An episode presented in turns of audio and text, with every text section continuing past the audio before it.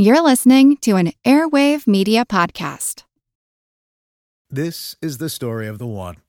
As a maintenance engineer, he hears things differently. To the untrained ear, everything on his shop floor might sound fine, but he can hear gears grinding or a belt slipping. So he steps in to fix the problem at hand before it gets out of hand. And he knows Grainger's got the right product he needs to get the job done, which is music to his ears. Call, clickgrainger.com, or just stop by. Grainger, for the ones who get it done. We all know how important it is to keep your eye on the money, and not just your own. Stay on top of the latest financial and market news with Yahoo Finance, a podcast that releases new episodes almost every day. You'll hear a brief overview of the biggest news in the financial world, all in three minutes or less, right after markets close. Check out Yahoo Finance wherever you get your podcasts. That's Yahoo Finance wherever you get your podcasts. This is Kickass News. I'm Ben Mathis.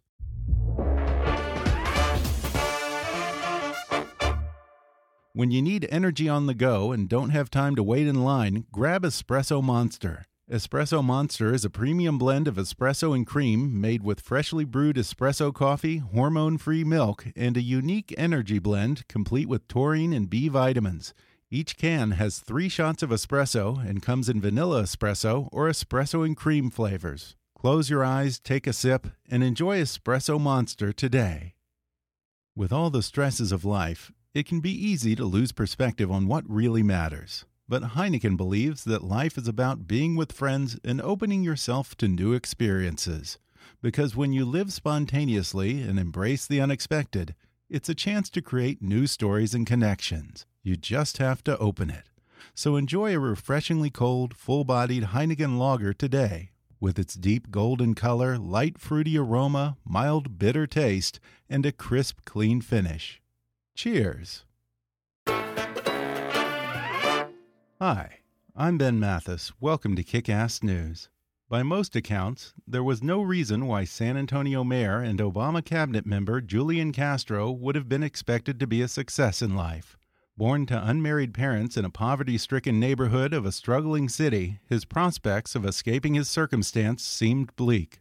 But he and his twin brother Joaquin had something going for them their mother. A former political activist, she provided the launch pad for what would become an astonishing ascent. Julian and Joaquin would go on to attend Stanford and Harvard before entering politics at the ripe age of 26. Soon after, Joaquin became a state representative, and Julian was elected mayor of San Antonio, a city he helped revitalize and transform into one of the country's leading economies. His success in Texas propelled him onto the national stage, where he was the keynote speaker at the 2012 DNC the same spot President Obama held three conventions prior, and then to Washington, D.C., where he served as the Obama administration's Secretary of Housing and Urban Development. After being shortlisted as a potential running mate for Hillary Clinton, he's now seen by many as a future presidential candidate himself. Not only is he spending a fair amount of time in the early primary states these days, but he's also published a new memoir titled An Unlikely Journey Waking Up from My American Dream. And today, Julian Castro joins me on the podcast to tell the remarkable story of how his grandmother fled the violence of the Mexican Civil War for America and share some of the values that his political activist mother instilled in he and his twin brother Joaquin. He reveals why he and his brother were so keen to graduate high school a year early, how they tied each other in their very first election for Stanford University's Student Senate, and how a young Julian Castro ran for San Antonio City Council and won while he was still a law student at Harvard. He talks about his initiatives to promote citizen engagement and pre through K education as mayor of San Antonio, why he first turned down a cabinet appointment in the Obama administration, only to later become President Obama's Secretary of Housing and Urban Development, and what he calls the weird experience of being vetted to be Hillary Clinton's running mate in 2016. Plus, he talks seriously about running for the top spot in 2020 and lays out his playbook for beating Donald Trump. Coming up with Julian Castro in just a moment.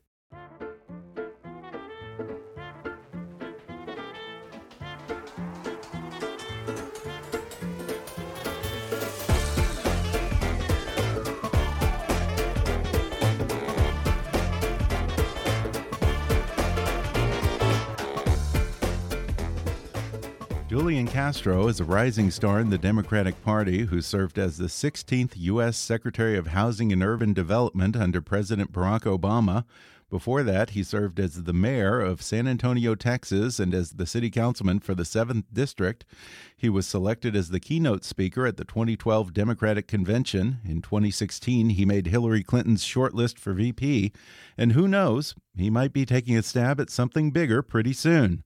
He's also written a new memoir titled An Unlikely Journey Waking Up from My American Dream. Julian Castro, welcome to the podcast. Thanks for having me, Ben. Well, I enjoyed reading the book, and you spend about half of it talking about your early life. In fact, you open by recounting your grandmother's journey to this country. She has this quintessential American immigrant story. Tell us a little about her.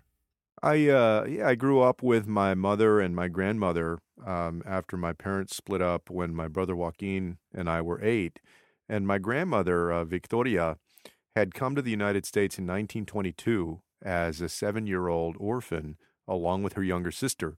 Uh, their parents had passed away, and their nearest relatives lived in San Antonio. And so they were brought across uh, through Eagle Pass, Texas, a border town, and ended up on the west side of San Antonio. And, um, you know, she'd lost her parents. And uh, a few years later, she actually lost also the woman who was, who was there in the household, uh, one of the relatives that brought her in. Um, she was pulled out of school before she had finished elementary school. So she had a very, very difficult early life in the United States. Uh, and she never got a formal education, so she worked as a maid, a cook, and a babysitter. And uh, she ended up raising my mother as a single parent. Um, and then my mother was able to graduate from high school and then go on to college uh, and work hard so that my brother and I could have the opportunity that we've had. So it really is this story about um, struggle and challenges and one generation handing the baton to the next generation. Um, you know, my grandmother, she never owned a house, never owned a car. Uh, she never even had a bank account.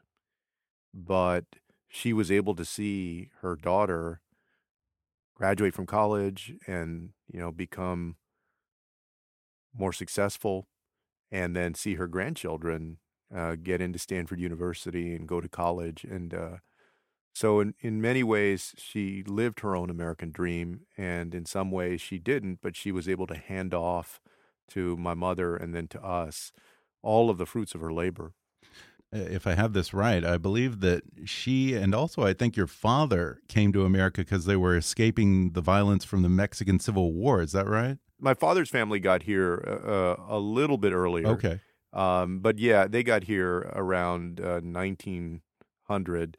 But that's true with respect to um, to my grandmother. My grandmother came in 1922, and most folks, you know, say the Mexican Revolution lasted from about 1910 to 1920. So it was just in that time frame right after that. Mm-hmm. But certainly there there were waves of immigrants from Mexico into Texas and other states during that time who were fleeing the violence of the Mexican Revolution. Do you think about them when you see the Trump administration trying to deny entry to refugees from Syria and immigrants trying to escape violence in Central America these days? I absolutely do. Uh, I also think about the children that have been separated from their parents. Mm-hmm. Uh, yeah. I think about that audio tape uh, from a couple of months ago of the little girl crying out for uh, her parents. And in a different context, I, I can understand the pain because my grandmother was uh, was taken um, for different reasons, you know, because um, her mother was very ill and was about to pass away. And even her, in her 70s, later in life, uh, as our grandmother, there would be times when she would absolutely break down, crying about her mother and how she never really got to say goodbye uh, and never saw her again. Yeah. So I can just imagine for these children, you know, what the feeling is like. Yeah, and I want to ask you about this title because uh, it is an unlikely journey waking up from my American dream. That seems to imply that maybe the American dream has changed or it's not the same for everyone. What, what were you trying to say with that? What I was trying to say is that in my family, and I bet this is true for a lot of families, each generation has realized that, you know, it wasn't enough to just work hard to reach the American dream. We also needed to see progress in our country and needed to fight for that progress. Mm-hmm. So my grandmother, you know, my grandmother came, as I said, in 1922, and she came to uh, Texas where you could still find on storefront windows these signs that said, uh, no Negroes, no Mexicans or dogs allowed. Wow. And her ability to to get an education, to move up, to reach her American dream were very limited. Uh, and she realized that. And but her way of working through that was to work as hard as she could and make sure that my mother could get a good education. She got a good education. She went to Catholic school uh, for 12 straight years and then a Catholic university. Um, but my mother was really the one that turned that outward and in college became very active politically. She joined the Young Democrats.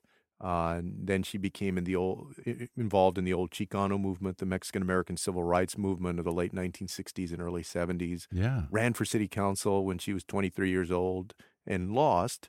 Um, but she realized that that you know, we needed to make progress in our country so that people of different backgrounds um, could reach their American dream.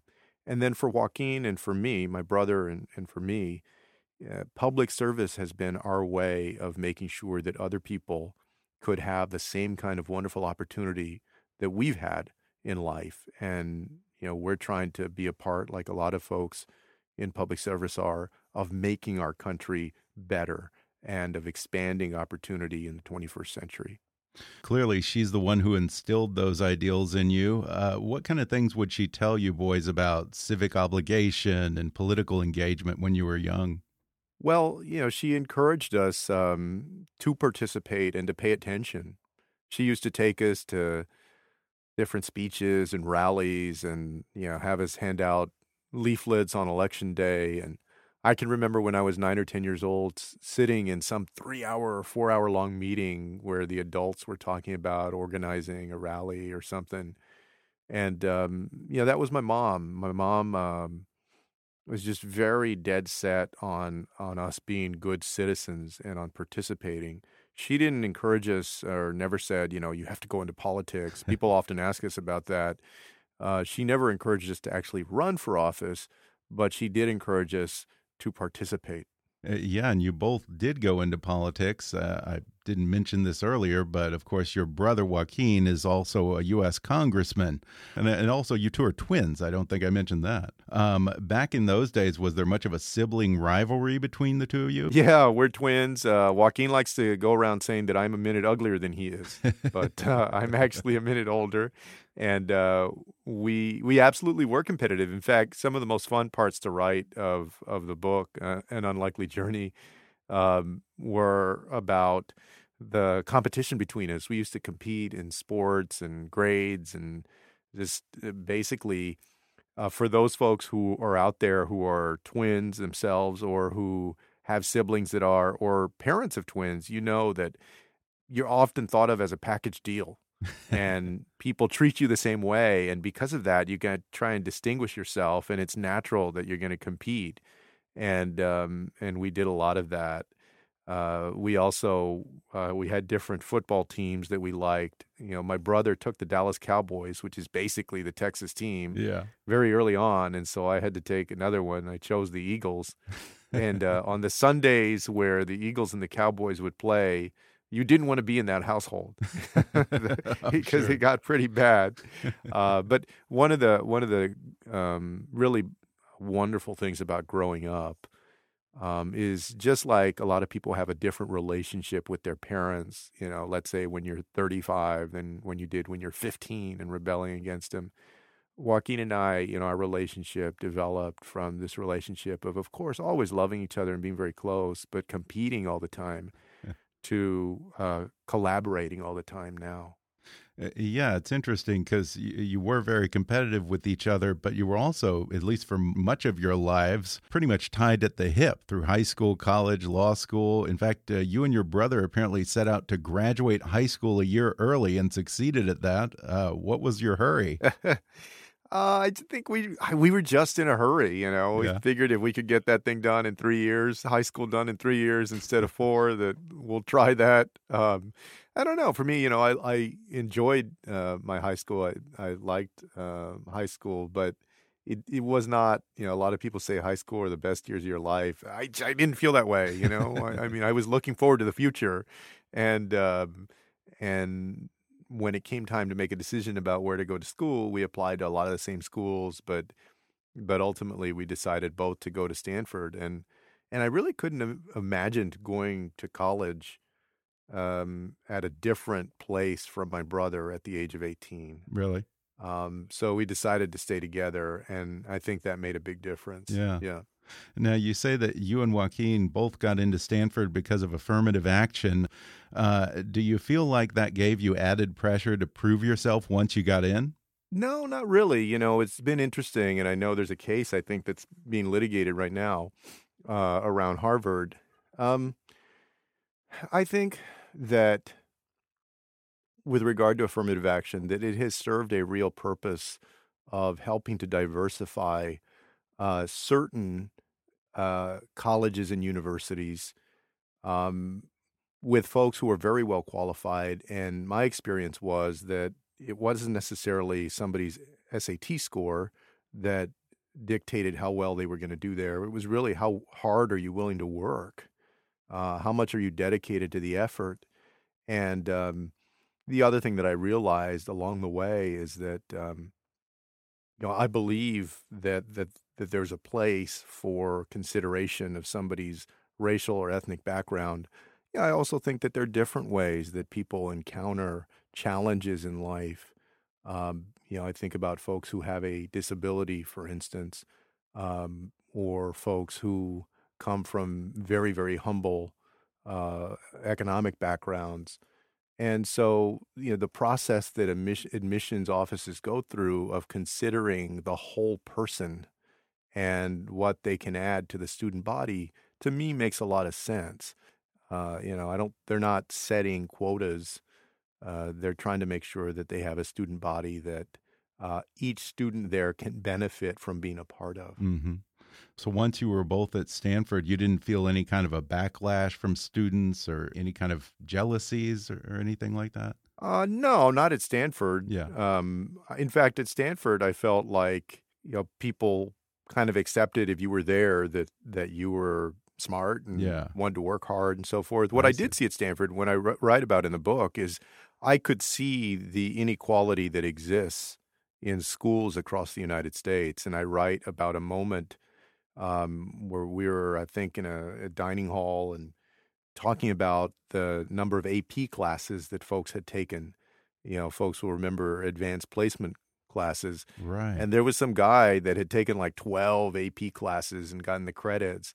And my school altogether, I think, offered like two or three. And so you could just tell at a at a small level the differences and what those differences can mean for students.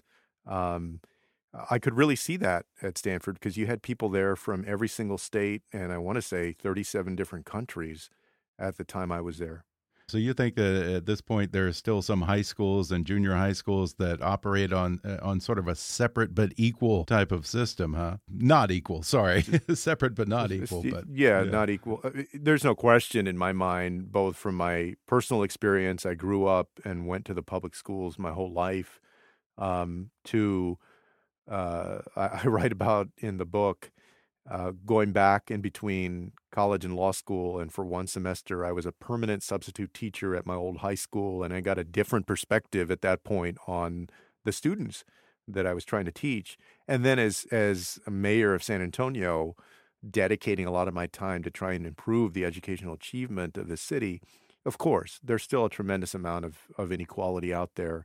And, you know, the good news is there are some policymakers out there in our country that um, are trying uh, with all of their effort to um, fix that and trying to dedicate both the, the ingenuity and the resources that are necessary.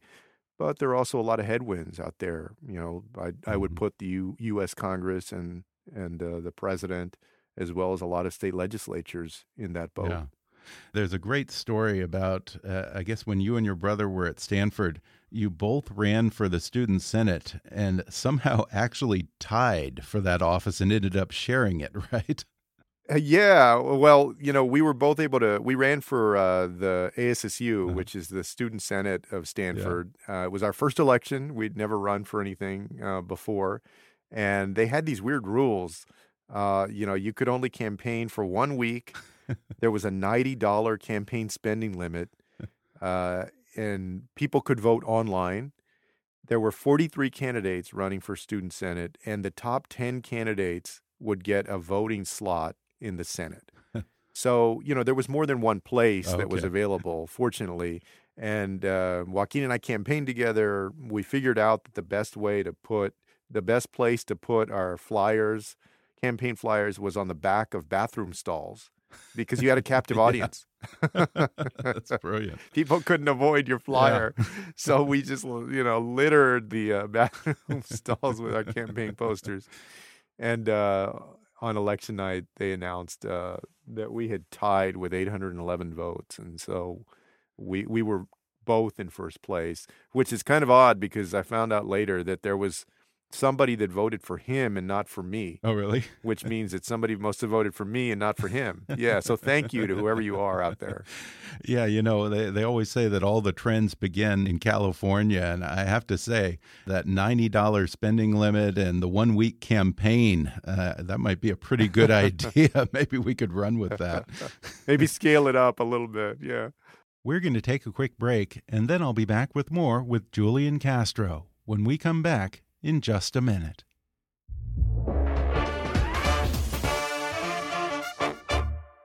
Almost every day, we hear something on the news about a cyber attack. Sometimes it's just a bunch of pranksters, but more often it's a foreign country with vast cyber resources trying to hack our power grid, our banking system, or our military's information networks. The National Security Agency plays a big part in protecting our country from cyber attacks, and you can help the NSA is hiring technical professionals to serve on the front lines of information security. If you work in computer science, networking, programming, or electrical engineering, you can help keep your country safe. Design new hardware systems and networks, write faster, smarter programs, protect America's critical infrastructure, or help uncover what our adversaries are planning to do next. Learn more about careers at the National Security Agency today visit intelligencecareers.gov/nsa. That's intelligencecareers.gov/nsa. Life can be stressful, and sometimes we lose perspective on what really matters. As we rush to achieve all the things we want in life, it can be easy to forget to enjoy the smaller moments along the way. But life isn't about following a common path or having a set plan. It's about being with friends, celebrating with loved ones, and living in the moment. Heineken believes that you create the richest memories when you embrace the unexpected and open yourself to new experiences. That's why Heineken encourages everyone to live spontaneously. Because when you embrace the unexpected, things like exploring new parties, enjoying the summertime, watching exciting soccer matches, and celebrating the holidays with your family all become chances to create new stories and connections. You just have to open it up. So enjoy a refreshingly cold, full bodied Heineken lager today with its deep golden color, light fruity aroma, mild bitter taste, and a crisp, clean finish. Cheers! And now, back to the podcast. At what point did you and Joaquin start to forge your own separate paths, though? I think little by little you know, we'd grown up and shared a room together our whole lives and then had bunk beds when we were kids and teenagers and and then when we went away to college, even though we were there at Stanford, you know, we did not live in the same dorm. So we we started to sort of have our own circle of friends and and our own plans for the future and by the time we got to law school, I think that continued uh, and then you know we we still both became attorneys, and for a time, a short time, we were at the same law firm, but we decided to go different routes in public service. Whereas uh, local issues, municipal issues at the time, uh, really interested me, and that's what I wanted to work on. He wanted to tackle some of these bigger issues of education and uh, infrastructure and healthcare, and so he went uh, and ran for state representative, and he ended up serving ten years uh, as state representative in Texas. Right. Yeah, it's funny. Uh, you were talking earlier about this impatience to get to the next step when you were in high school and then in college. You know, you actually ran for San Antonio City Council when you were still in law school. And you ran in a district that skewed heavily toward a much older demographic. Uh, how did you get them to take this young kid seriously running for city council? that is a good question. I was 26 and uh, I went back home and graduated in 2000 from law school. Went back home, took the bar, passed the bar. I was working at a firm, and there was an open city council seat in 2001. I had already started running for it. Um, I knew that it was going to be open, and um, I was the youngest person uh, to get elected at the time. Oddly enough, though, in that race, I think there was a guy that was one year younger than me, too, uh, a 25 year old. Really? But my main opponent did try and at that time tried to make something of my my youth. Uh, I remember that he kind of copied my campaign sign format. It had my picture on it, but above his picture he put experience.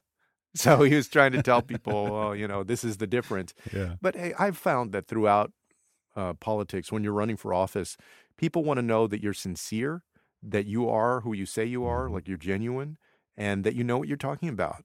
And I knew what I was talking about, and I had a strong vision for the future of that, those neighborhoods and of the city, and I was passionate about it. And so, even if some folks at the time may have had reservations about somebody that was 26, and, and I probably looked like 20 or 22, uh, you know, even younger than I was, they knew that uh, I was serious, that I was informed, uh, and that I was honest about what I wanted to do. San Antonio city elections are nonpartisan, so you don't have to run as a Republican or a Democrat.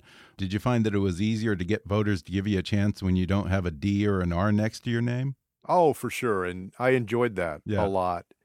Uh, I enjoyed that you could walk up to any door and knock on the door and you know talk to folks about their streets about the you know jobs in the city, about the quality of the parks and the response times of fire and police, and you didn't get into questions that put people immediately into partisan camps. Mm-hmm. It allowed for folks to engage you based on what was important to them. Uh, and maybe even more importantly than that, it allowed the city council members to work across the aisle all the time, like regularly because you didn't feel the need to toe a party line. And um, yeah, my brother had a very different experience. He was elected in 2002, started serving in January of 2003 in the first state legislature in, in more than 100 years that was then controlled by the Republicans and was you know, within a year or two, they were uh, having a huge battle about redistricting. And my brother was part of a group that went over to Oklahoma to try and deny the Republican majority, a quorum. All of that was happening, and we were kind of leading these different political lives. But I enjoyed mine um, because I felt that it was more productive. Mm -hmm. And in 2005, you ran for mayor of San Antonio, and uh, your first time running for mayor was a little bit of a heartbreak for you because you were the odds-on favorite to win, only to eventually lose to uh, Phil Hardberger. What did that experience teach you? Well, what it taught me was um, number one, that if you're serious about what you want in life, whether it's getting into public service or a job or whatever your goal is, that when you lose, when you don't get it, you have to make a decision about how much you want it and whether you're willing to work to get better in the pursuit of it. And uh, and that was the question for me after I lost. You know, would I come back? Would I stay in politics? Would I come back? Um, there was time right after the election where I felt that maybe I would just get out of politics. Um, but it's true what they say that you win, you you learn more when you lose than when you win. Mm-hmm. Um, so I definitely, I I learned that that it's kind of a gut check when you lose like that. Yeah. Uh, the second thing that I, I learned is that um, at the time that I needed to broaden my coalition of support a little bit and uh, uh, and I did that. in 2009. Yeah, you ran four years later, and almost as soon as you were elected mayor, you began attracting national media attention. I guess that didn't really leave very much room for a young upstart politician to make a lot of mistakes. Did you feel that you were ready to be thrust in the national spotlight so soon? Yeah, I did. I did by that time. Yeah. Um, and it's not like you you get into it and go from zero to very few people go from zero to a 100 mm. in that regard like you're completely thrown into it.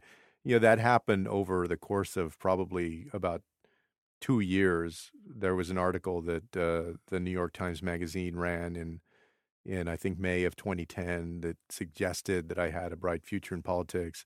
And then i was selected in the summer of 2012 uh, announced that i would be giving the uh, keynote speech at the 2012 Democratic National Convention, and then of course that moment and and the time after that, um, all the way up until my appointment by President Obama as HUD Secretary. So that played out over the course of you know that first two years and then another two years. It didn't all happen at mm-hmm. once, and I got used to it over time.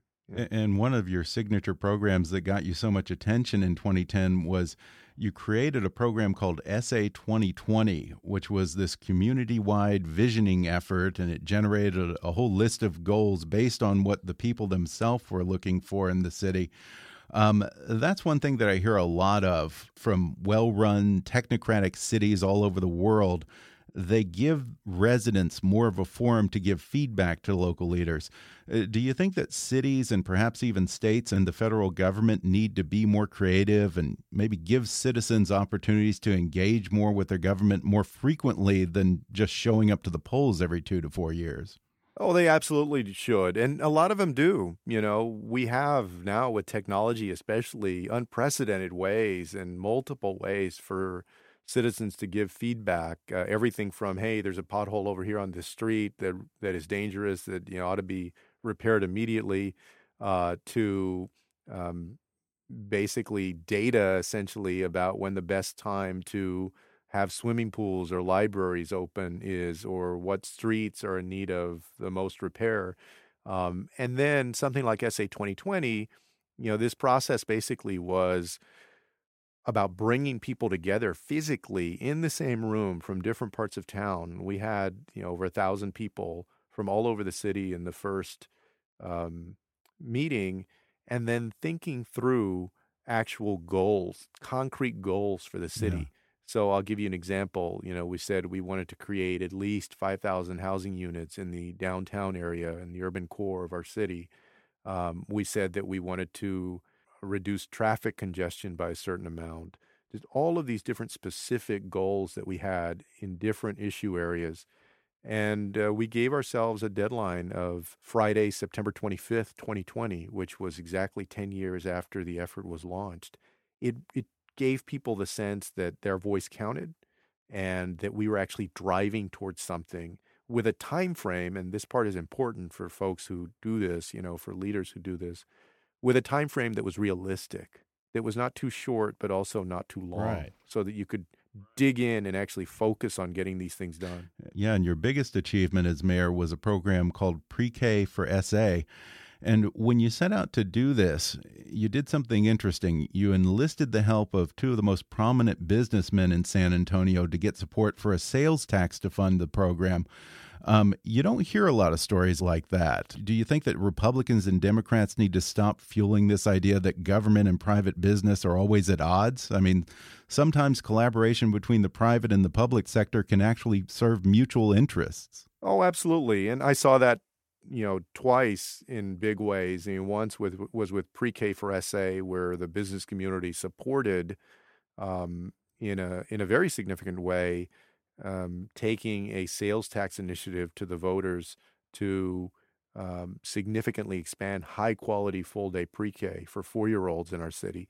And then the second time was at HUD, where we partnered with uh, internet service providers to either provide for free or very, very discounted internet service to people living in public housing because the vast majority of folks living in public housing don't have internet access. And we know that there's a homework gap that develops. There are other challenges. You know, how does somebody conveniently apply for a job or do other things that require internet access at home? Um, it's not a luxury anymore; it's a necessity. And whether it was Google Fiber or uh, Cox Communications or Charter or others, they stepped forward and engaged us on that. So uh, I agree with you that uh, that you know, that there are ways that the public sector and the private sector can work together. There are also ways that uh, the public sector can work in the interest, especially of small business owners that make up three quarters to 80% of the businesses out there. I don't know that we do that enough.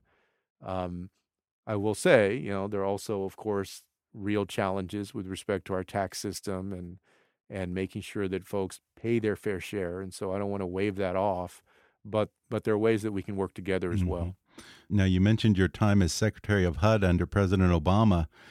Uh, that must have been a big transition from an executive position like mayor to running a massive federal bureaucracy. How steep was that learning curve? Uh, yeah, it was a steep learning curve, and and some parts of it more than others. You know, I was pretty familiar with um, some of the programs that HUD administers, especially the Community Development Block Grant Program and home funding and uh, programs like that, and less familiar with the housing part of of it.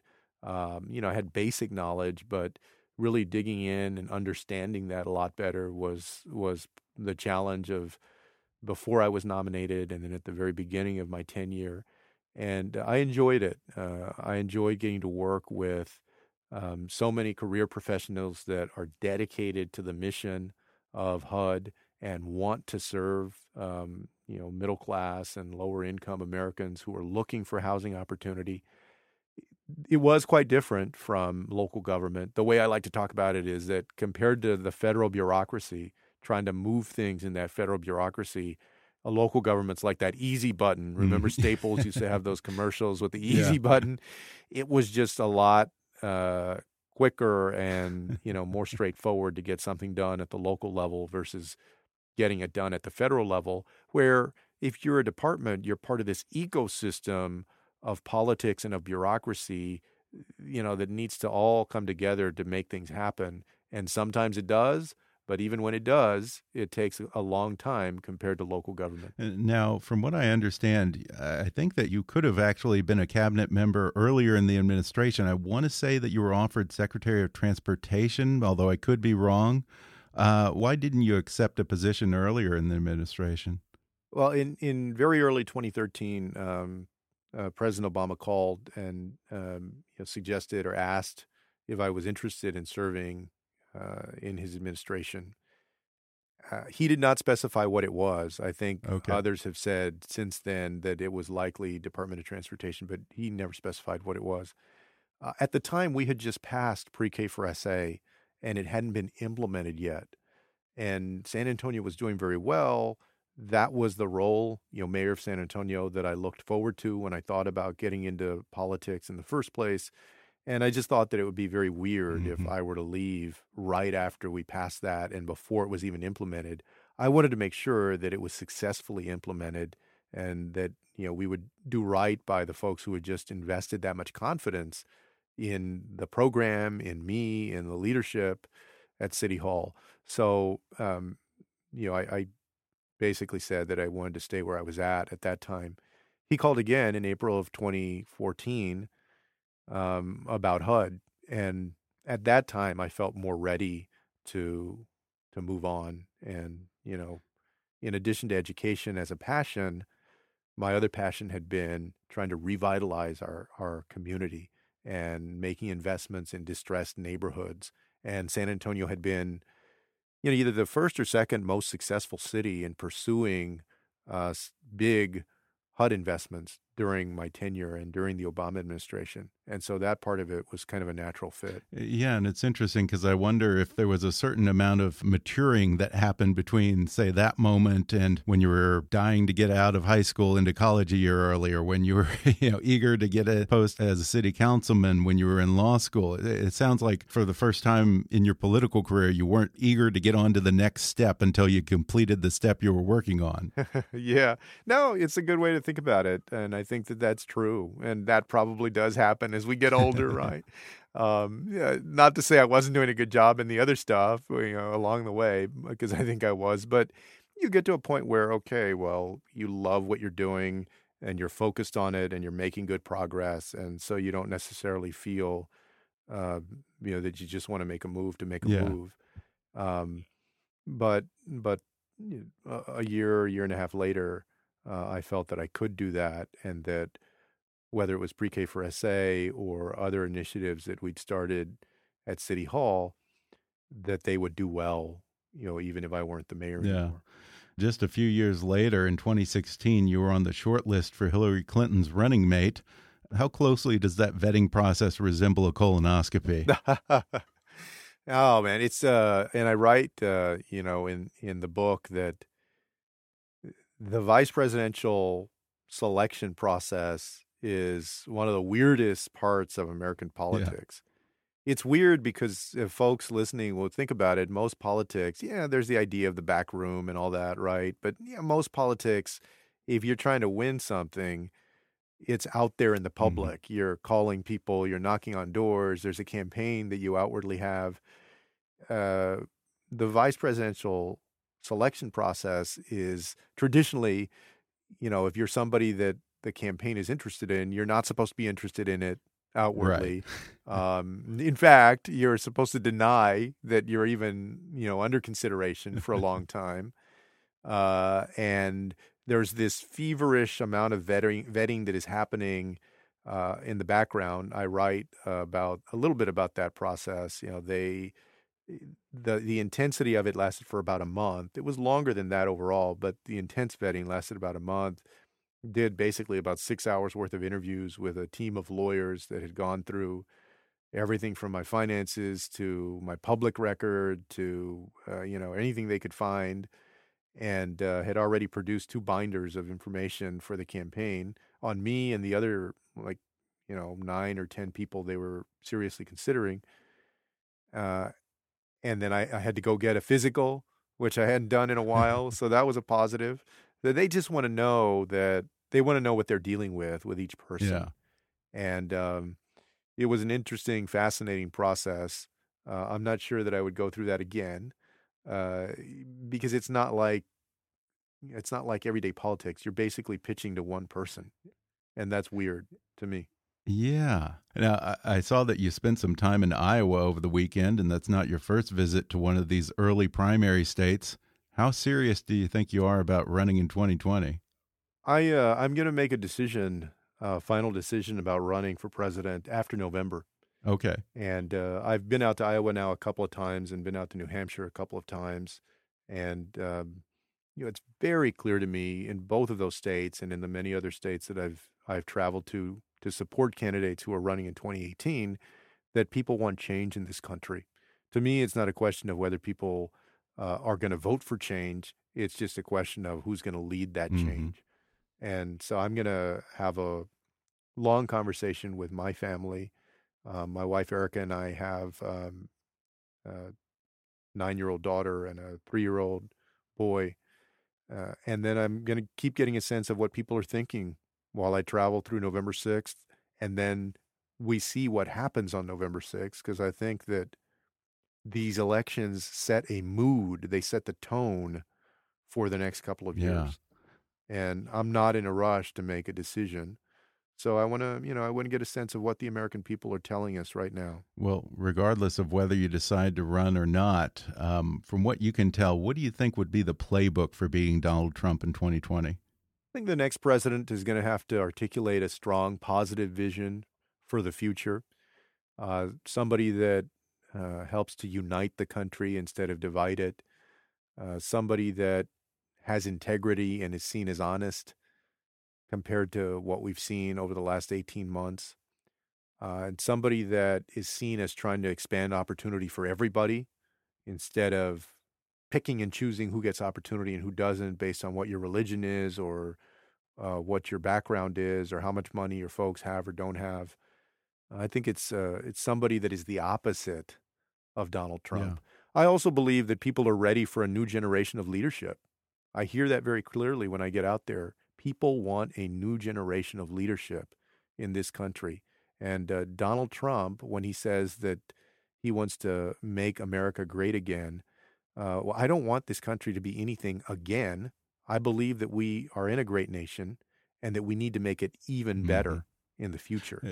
So I'm convinced that the next uh, president is going to be somebody that is leading us forward boldly, not leading us backward. So you don't buy into this theory that in order to beat Donald Trump, Democrats need to find someone who's willing to get down in, in the gutter and have a street fight with him, like a Michael Avenatti or someone like that. I believe that uh, the Democratic nominee needs to be able to hold uh, her own or his own, uh, stand up for what they believe in, push back when you need to push back, but fundamentally, you need to have a positive vision for the future and be about optimism and hope, mm-hmm. not about tearing people down. Yeah. You know, if you're if you're spending all your time tearing tearing people down, um, you're probably not going to beat Donald Trump at that game. Yeah, yeah, that's that's what he does. Yeah, and one of the interesting things to do is to study in other contexts, whether it's sports or it's business uh, or politics, um, study why people that have a certain style of competing lose and what is able to vanquish them. And what you'll find is that when you have surprise upsets, generally it's not because somebody of the same style defeated that other person. It's a style that is different and is that is rooted in that person or that team's essence um, that takes them by surprise. You know, and I think yeah, that's yeah. kind of maybe uh, getting too philosophical about it, but I think that uh, the next nominee and the next president is going to be somebody of a totally different style. It's not going to be the same thing as Donald Trump. It's going to be the opposite. Yeah, yeah. Political fortunes generally turn on contrasts, I guess.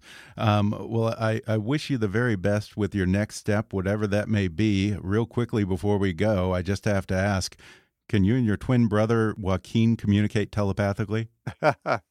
we cannot. We don't have ESP, but we are very close, and so you can imagine that we we oftentimes look at the world in very similar ways and think alike. Uh, yeah. So, uh, but no ESP. Okay. Well, one of these days I'll ask him that same question. One more time, the book is called An Unlikely Journey Waking Up from My American Dream. Julian Castro, thanks for talking with me. Thanks a lot, Ben.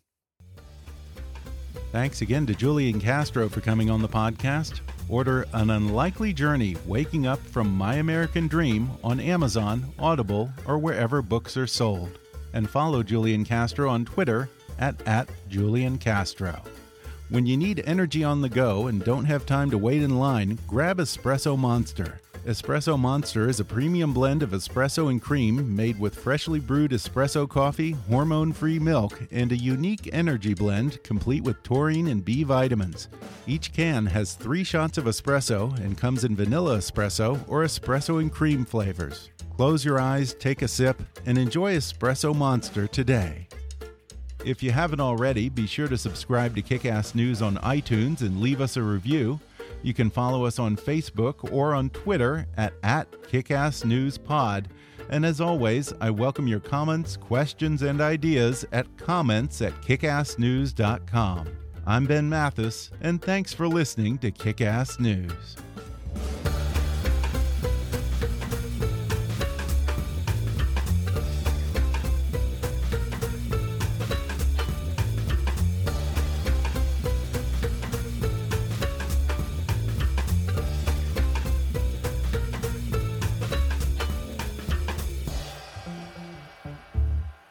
Kickass News is a trademark of Mathis Entertainment, Inc.